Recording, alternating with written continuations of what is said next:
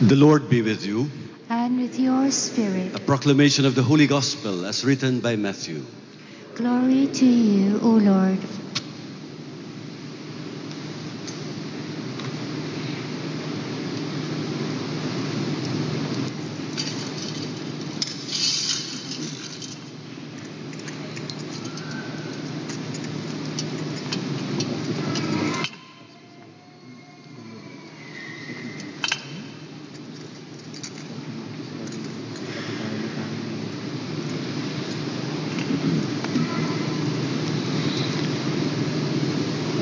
After the Sabbath, as the first day of the week was dawning, Mary Magdalene and the other Mary came to see the tomb.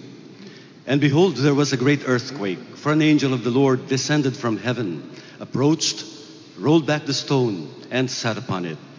His appearance was like lightning, and his clothing was white as snow. The guards were shaken with fear of him and became like dead men. Then the angel said to the women in reply, Do not be afraid. I know that you are seeking Jesus the crucified. He is not here, for he has been raised just as he said. Come and see the place where he lay. Then go quickly and tell his disciples, He has been raised from the dead, and he is going before you to Galilee. There you will see him. Behold, I have told you. Then they went away quickly from the tomb, fearful, yet overjoyed, and ran to announce this to his disciples. And behold, Jesus met them on their way and greeted them. They approached, embraced his feet, and did him homage. Then Jesus said to them, Do not be afraid. Go, tell my brothers to go to Galilee, and there they will see me. The Gospel of the Lord. Praise to you, Lord Jesus Christ. Please be seated. Brothers and sisters, good evening. Welcome to this evening reunion. This is the meaning of what we are doing now and what the early church has been doing. They call this synaxis. They were actually following the Jewish people who offered the evening sacrifice and the lighting of the lamps. If you notice, when we had a procession afterwards, you lit your candles, the whole church was filled with lights. It's actually just like what is mentioned in the Psalms the vaults of heaven shining with a multitude of stars. And then we proclaimed the Exultet, the one that I sang. This song, this poem, this prayer is hardly commented on because it's just sung once a year. And I'd like to dwell on this exultet and what it means. If you notice very well, there were nine nights. The word night was mentioned nine times in the exultet. And for every three mentions of the night, it actually recalls to us three major moments of our story of salvation. The first one is the freedom from slavery in Egypt that we heard in the readings today. The second one is the passage through the Red Sea by the chosen people. And the third one is the journey through the desert where the Lord guided them with a pillar of fire that is represented by the Easter candle. The early Christians interpreted all this to be the symbol of the resurrection. That is why we do this ritual, this liturgy of the blessing of the light tonight. The exultet that you have heard today, it will not be sung anymore until next year. Is regarded both as gospel. That is why we were standing, you were standing there when I was singing here for a long time. But your standing there has significance. We only stand when we proclaim the gospel. When Father is talking like this, you're sitting down. It's only Father talking.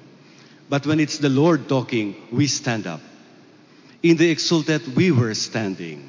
It is like a gospel. But more than that, it is also a prayer. It is actually like a mass in itself. That is why it is quite long.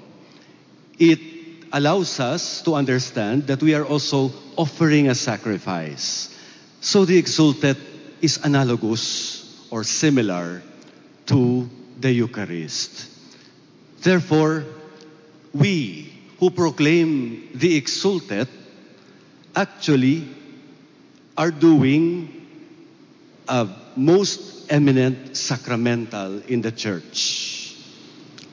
It is the most important sacramental, in fact, and it is a privilege to proclaim this exultet. There are two effects. The first one is it gives us spiritual and temporal graces.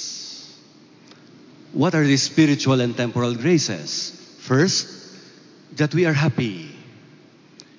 We greet each other, Happy Easter. Isn't it a gift to be happy together, to be gathered tonight in peace? That is a spiritual grace. Second, we will receive the Eucharist again. For two days, the sanctuary is vacant. It is important that after Holy Thursday, when we process, the church is vacant. It is just like any other ordinary building. That is why we do not do genuflections or even bows. It's an ordinary building. Without Christ, without the Eucharist, we can sing songs, we can praise God, we can pray in our own way, but we are just in an ordinary building. We will receive the Eucharist again tonight. And in this night of the resurrection, our souls also resurrect with Christ. The second, the second effect of the exultet is it gives us actual graces. And I would like to mention just very quickly what are the actual graces that we receive when we proclaim the exalted. Faith in the resurrection of Christ, not just in his resurrection before, but in his resurrection as we enact it tonight. Second, our own proclamation of our faith. We proclaim our faith in glorious colors. Third, we have acts of hope. We have acts of reverence. We even have some wonderful experiences. We are amazed by the mystery of Easter. Fourth, we are thankful. Acts of gratitude to God for His mercy upon us. Last but not the least, since it is a sacramental, the most eminent sacramental, in fact, it forgives. The Easter candle, the Easter proclamation forgives our venial sins and even temporal punishments due to sin. Therefore, brothers and sisters, tonight is really a very special night because we receive abundant graces, not because of ourselves, but to use a theological term, ex opere operantis ecclesiae, out of the power of the praying church. That is why we receive grace. Truly, exultet means Haggadah in Hebrew. Jesus prayed it this way. He sang it, not perhaps this exact one, but singing songs of rejoicing during the Passover. For us, therefore, gathered tonight, exultet means congratulations, salamat, and imploring on everyone a blessed, glorious, joyful, and jubilant Easter. Salamat, Hari Paskah. Tuhan bersamamu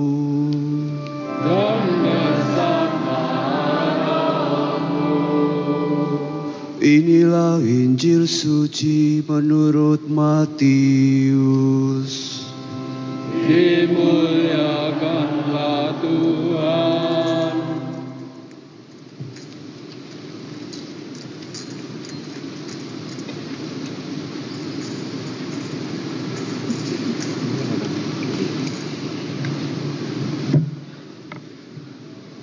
Setelah hari Sabat lewat, menjelang penyingsingnya fajar hari pertama minggu itu, pergilah Maria Magdalena dan Maria yang lain menengok kubur Yesus. Tiba-tiba terjadilah gempa bumi yang hebat, sebab seorang malaikat Tuhan turun dari langit dan datang ke kubur Yesus. Ia menggulingkan batu penutup kubur itu, lalu duduk di atasnya. Wajahnya bagaikan kilat dan pakaiannya putih bagaikan salju. Para penjaga kubur itu pun gentar ketakutan dan menjadi seperti orang-orang mati. Akan tetapi malaikat itu berkata kepada perempuan-perempuan itu, Janganlah kamu takut, sebab aku tahu bahwa kamu mencari Yesus yang disalibkan itu. Ia tidak ada di sini sebab ia telah bangkit, sama seperti yang telah dikatakannya. Mari lihatlah tempat yang tempat ia dibaringkan. Segeralah pergi dan katakanlah kepada murid-muridnya bahwa Yesus telah bangkit dari antara orang mati. Ia mendahului kamu ke Galilea, di sana kamu akan menemui dia. Sungguh, sesungguhnya aku telah mengatakannya kepadamu. Mereka pun segera pergi dari kubur itu, diliputi rasa takut dan sukacita yang besar. Mereka berlari cepat-cepat untuk memberitahukannya kepada murid-murid Yesus. Tiba-tiba Yesus mencapai mereka dan berkata, "Salam bagimu." Mereka mendekatinya dan memeluk kakinya serta menyembahnya. Lalu kata Yesus kepada mereka, "Jangan takut. Pergi dan katakanlah kepada saudara-saudaraku supaya mereka pergi ke Galilea dan di sanalah mereka akan melihat aku." Demikianlah sabda Tuhan. Terpujilah Kristus.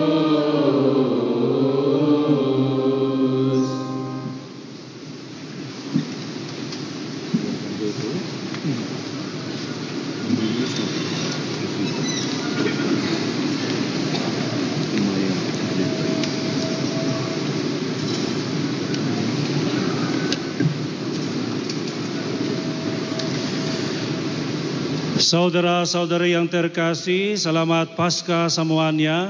Selamat Paskah. Tuhan kita Yesus Kristus sudah, sudah bangkit. Haleluya.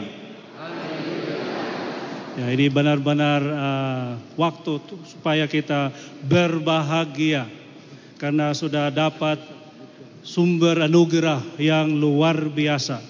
Gak ada habisnya.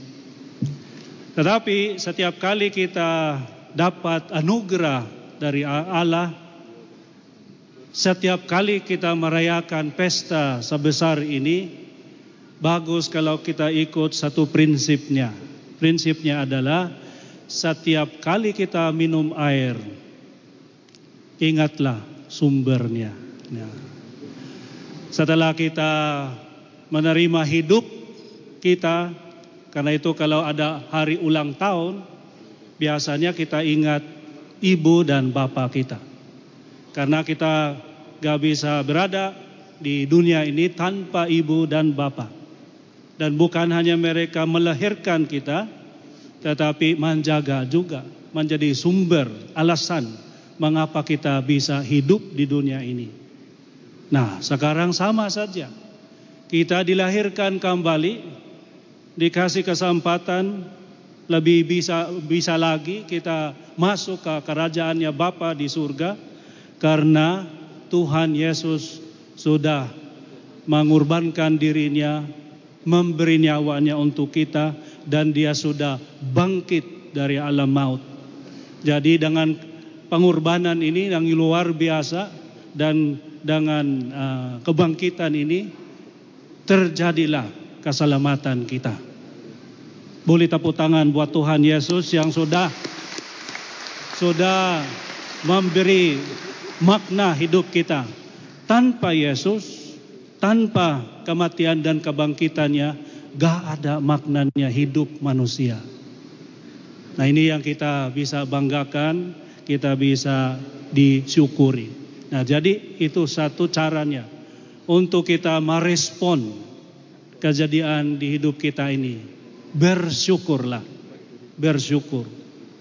Karena kalau uh, kita hitung-hitungan, kita gak berhak sama sekali menerima uh, anugerah dari Allah sebesar ini. Tetapi kita dapat bukan karena kita, tapi karena kebaikannya Allah. Jadi dia, tidak ada respon yang pas, yang pantas selain syukur. Nah, kalau kita bersyukur, paling tidak kita harus sadar. Nah, kadang-kadang orang itu gak bisa bersyukur karena dia gak sadar sudah menerima anugerah dari Allah. Bisa ingat kedua mempelai itu yang sudah pernah dibantuin oleh oleh uh, Bunda Maria, mereka dapat anggur yang baru, tetapi dia mereka gak bisa bersyukur karena mereka gak sadar, gak sadar. Jadi bagus kalau pada waktu ini kita menyadari ah, kebaikannya Tuhan. Nah kebaikannya Tuhan buat mereka yang punya masalah hidup bisa disebut susah lah. Jadi ada ada uh, satu langkah lagi untuk kita bisa bersyukur. Kita harus lihat yang positif. Karena banyak uh, hal di hidup kita yang positif, tapi kalau kita mau cari yang negatif banyak juga. Dan itu alasan mengapa kita gak bisa bersyukur. Karena selalu kita cari yang negatif. Nah kalau mau ya ada.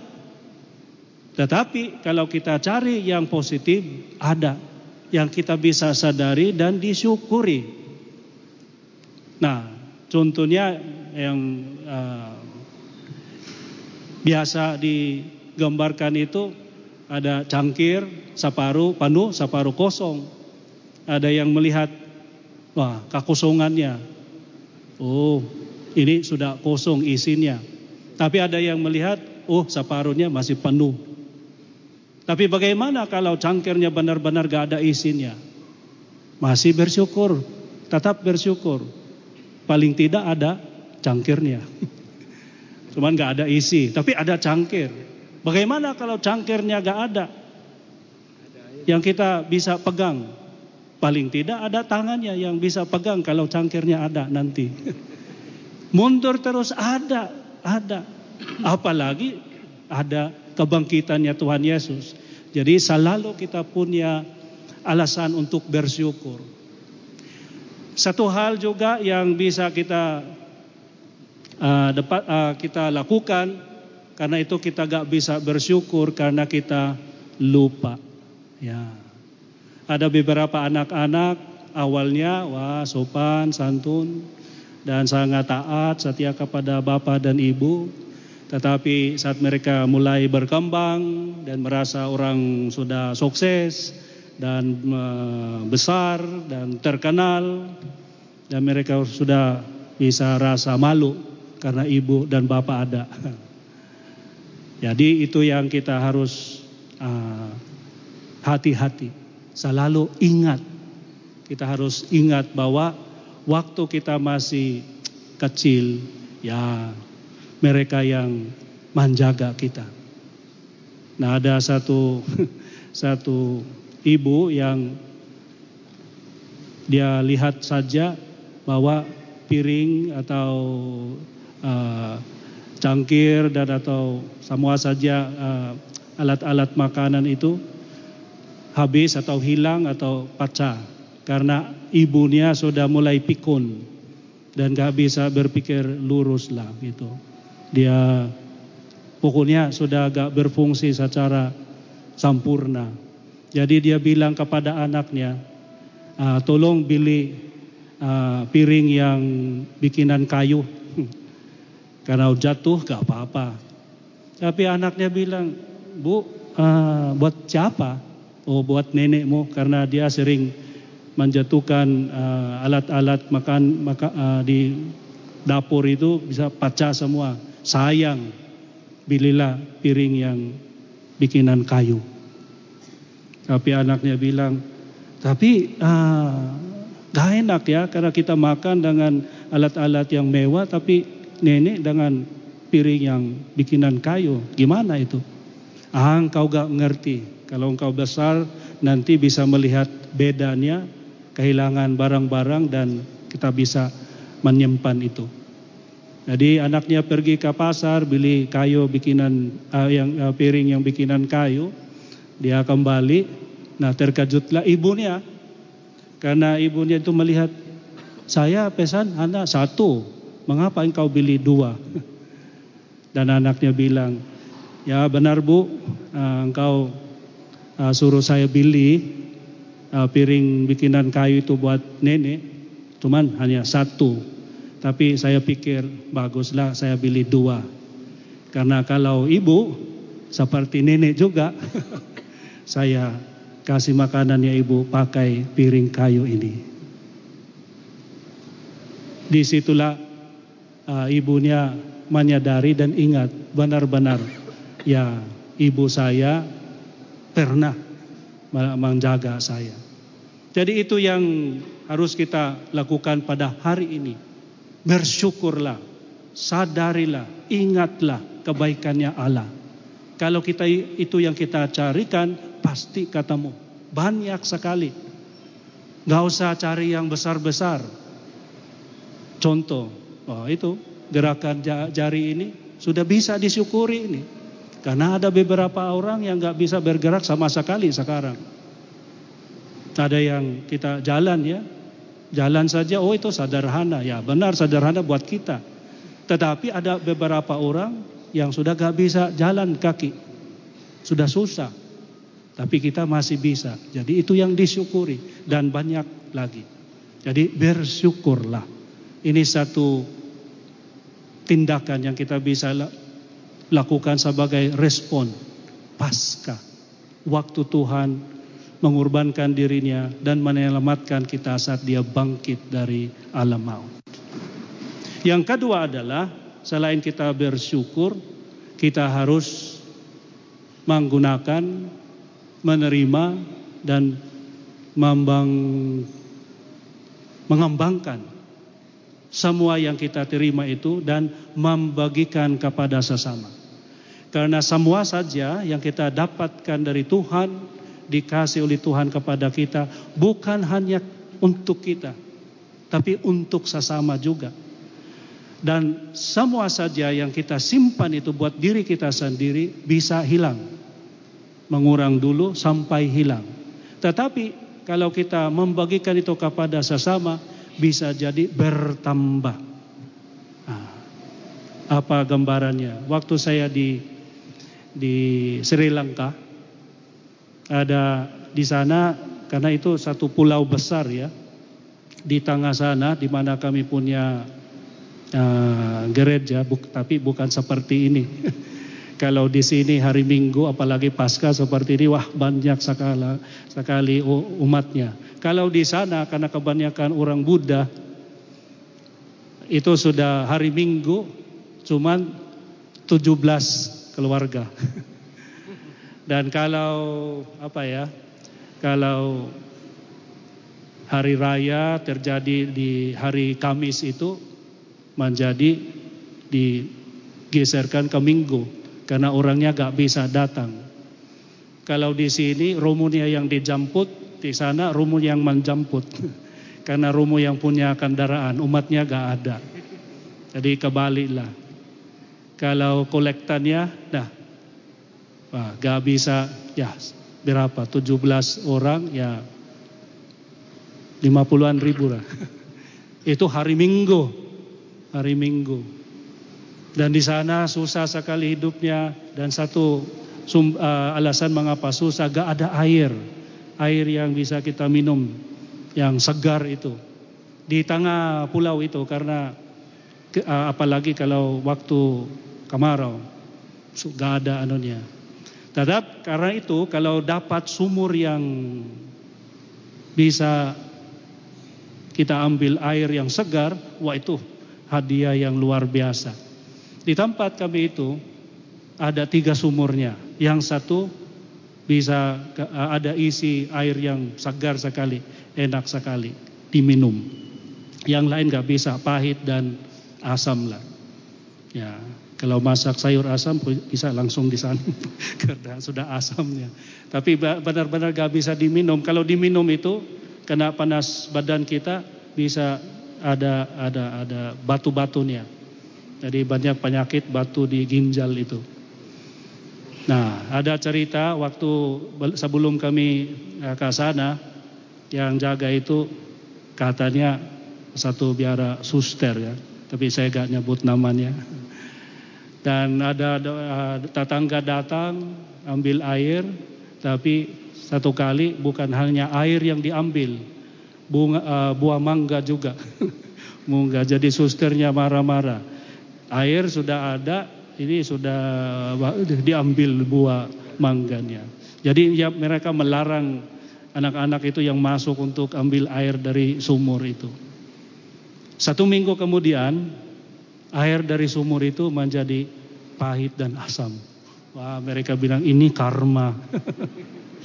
Oh, sudah dikasih nugerah dibagikan kepada umatnya itu karma. Tapi ternyata ya bisa dilihat sebagai karma. Nah, tapi ada penjelasannya. Ternyata di tanah itu ada lapisannya. Di bawah itu bersih, di atas kotor. Jadi airnya kalau tersimpan hanya beberapa orang yang ambil naik uh, tingkatnya. Saat itu naik karena uh, bagian lapis itu yang kotor. Jadi menjadi kotor.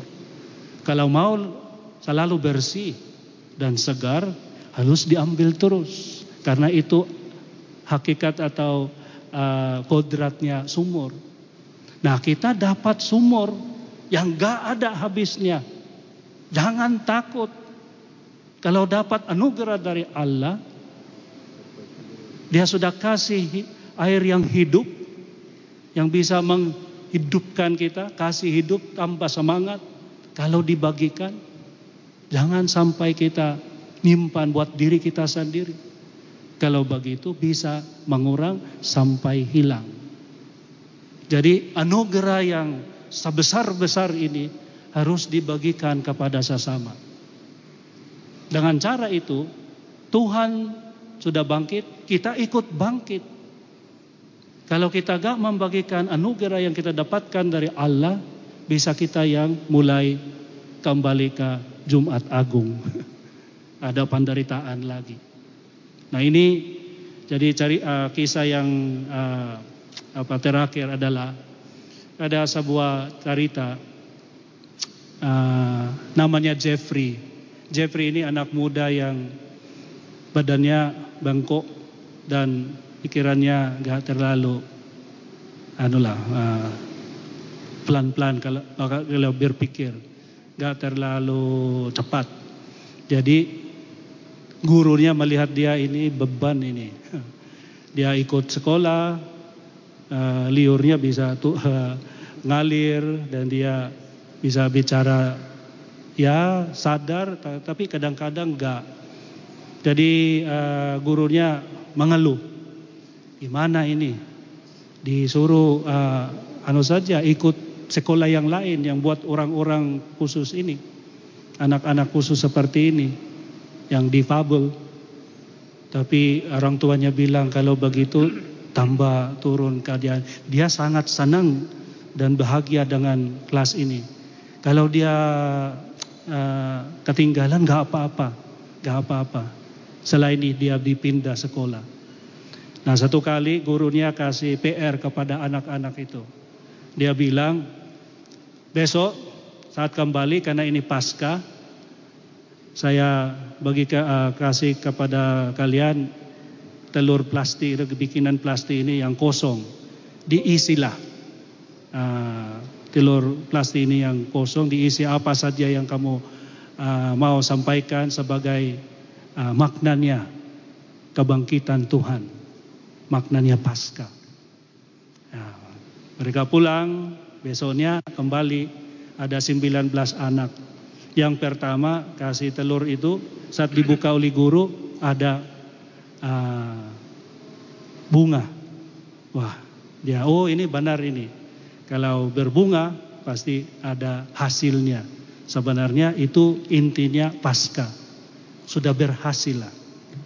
Nah, ditapuk tangan uh, anaknya itu, muridnya.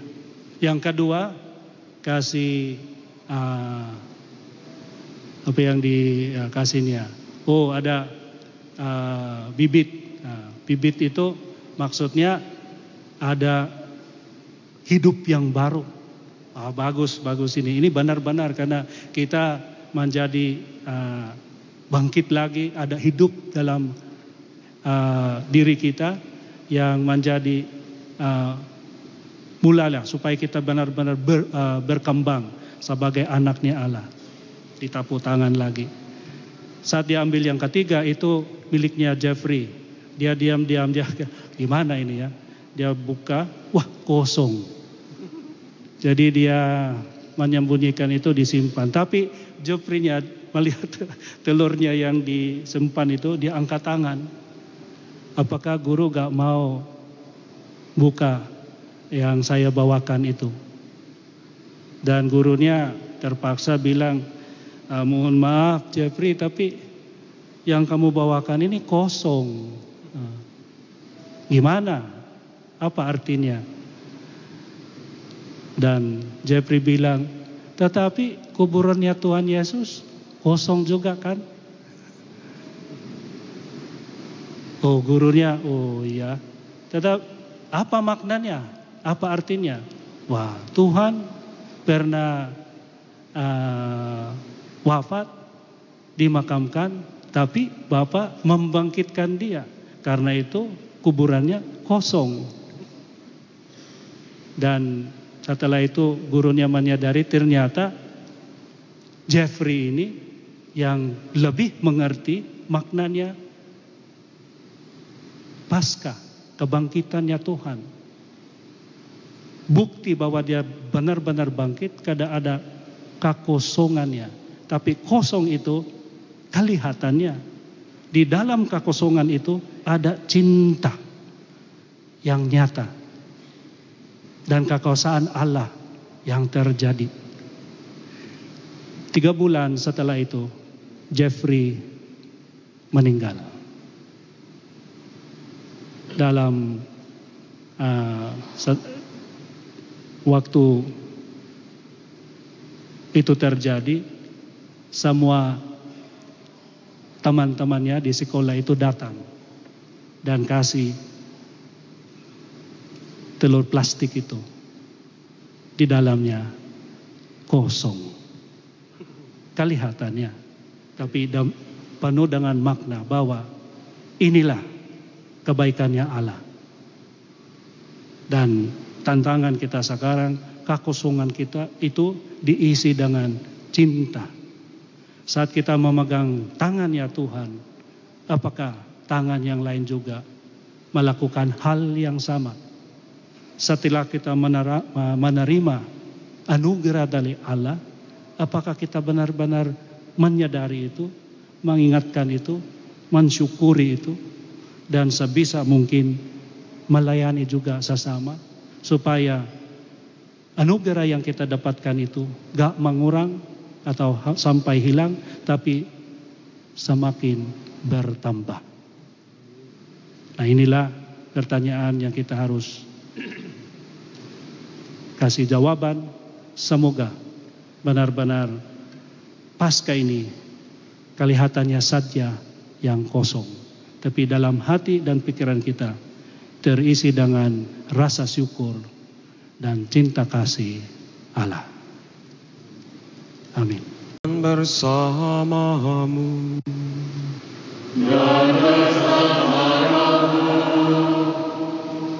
Inilah Injil suci menurut Matius.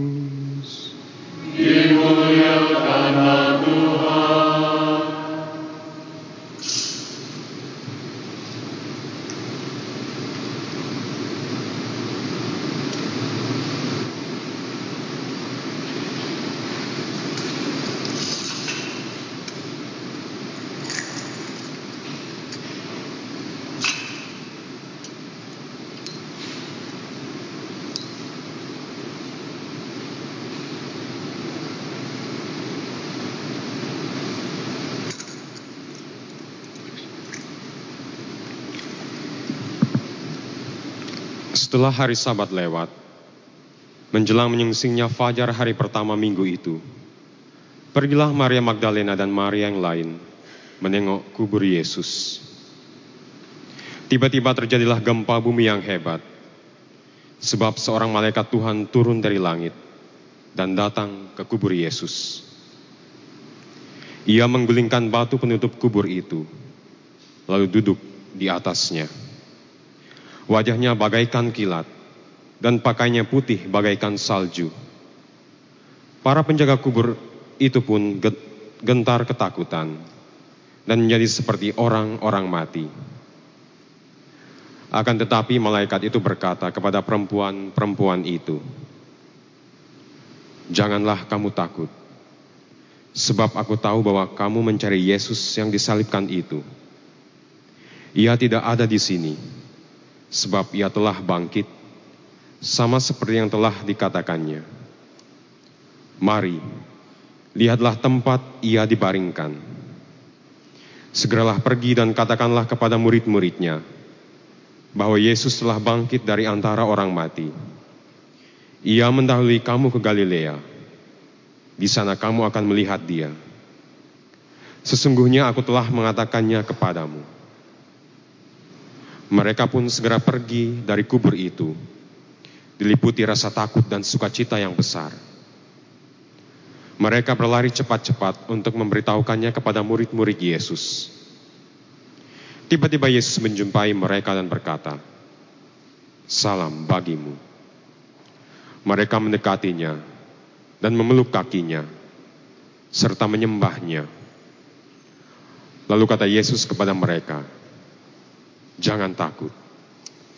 Pergi dan katakanlah kepada saudara-saudaraku supaya mereka pergi ke Galilea, dan di sanalah mereka akan melihat aku." Demikianlah sabda Tuhan.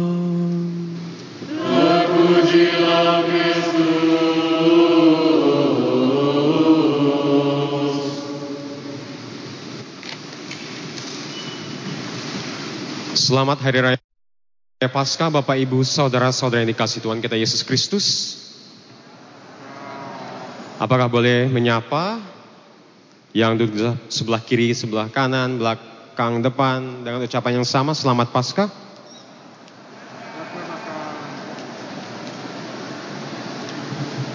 Puji Tuhan.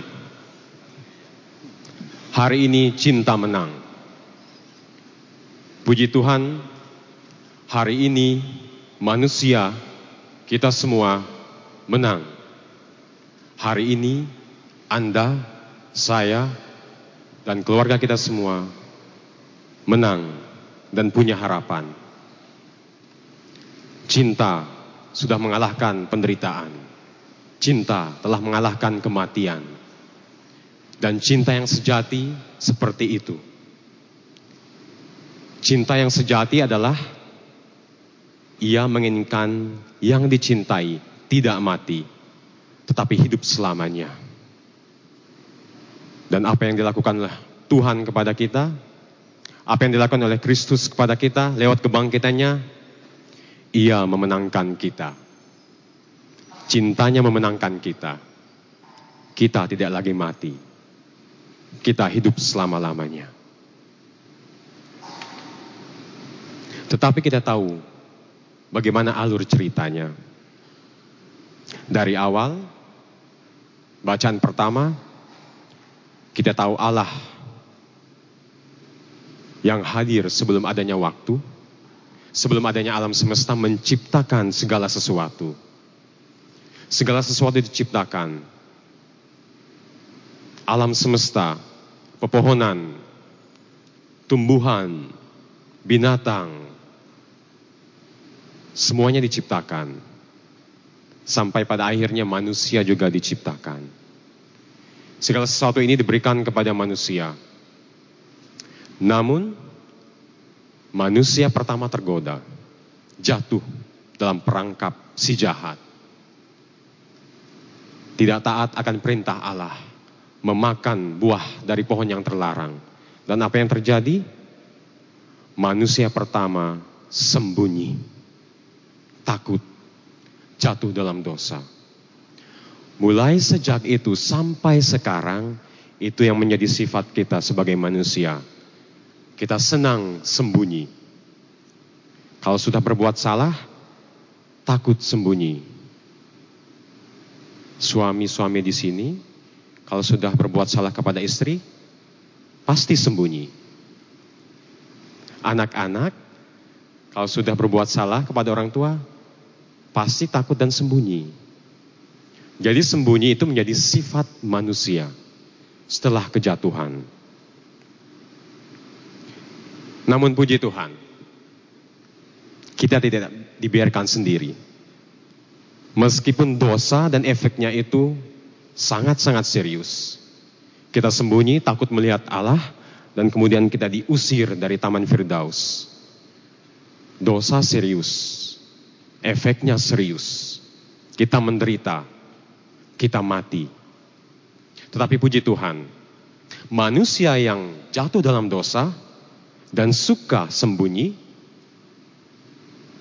ditolong oleh Allah yang tidak sembunyi, yang berani menampakkan wajahnya, yang berani mencari kita, yang takut dan sembunyi. Allah kita adalah Allah yang mencari, mencari dan sampai kita didapatkan. Allah kita tidak mau satu pun dari kita hilang. Ia menjadi manusia sebagai seorang bayi. Ia menderita sama seperti kita, kecuali dalam hal dosa. Dan lewat penderitaannya di kayu salib, ia menang untuk kita. Dan di situlah kabar baiknya. Allah sudah menemukan kita. Kita yang sembunyi, takut karena dosa, kasih Allah di kayu salib sudah memenangkan kita. Kita sudah ditemukan. Apa yang kita alami juga dialami oleh Allah Putra.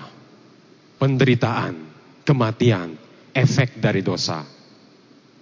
Tetapi karena kuasa kasih Allah di kayu salib, apa yang dialami oleh Kristus akan kita alami juga.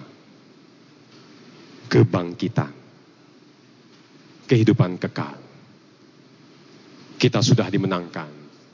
Cinta memenangkan kita. Ini yang kita rayakan pada perayaan malam Paskah ini. Kemenangan cinta.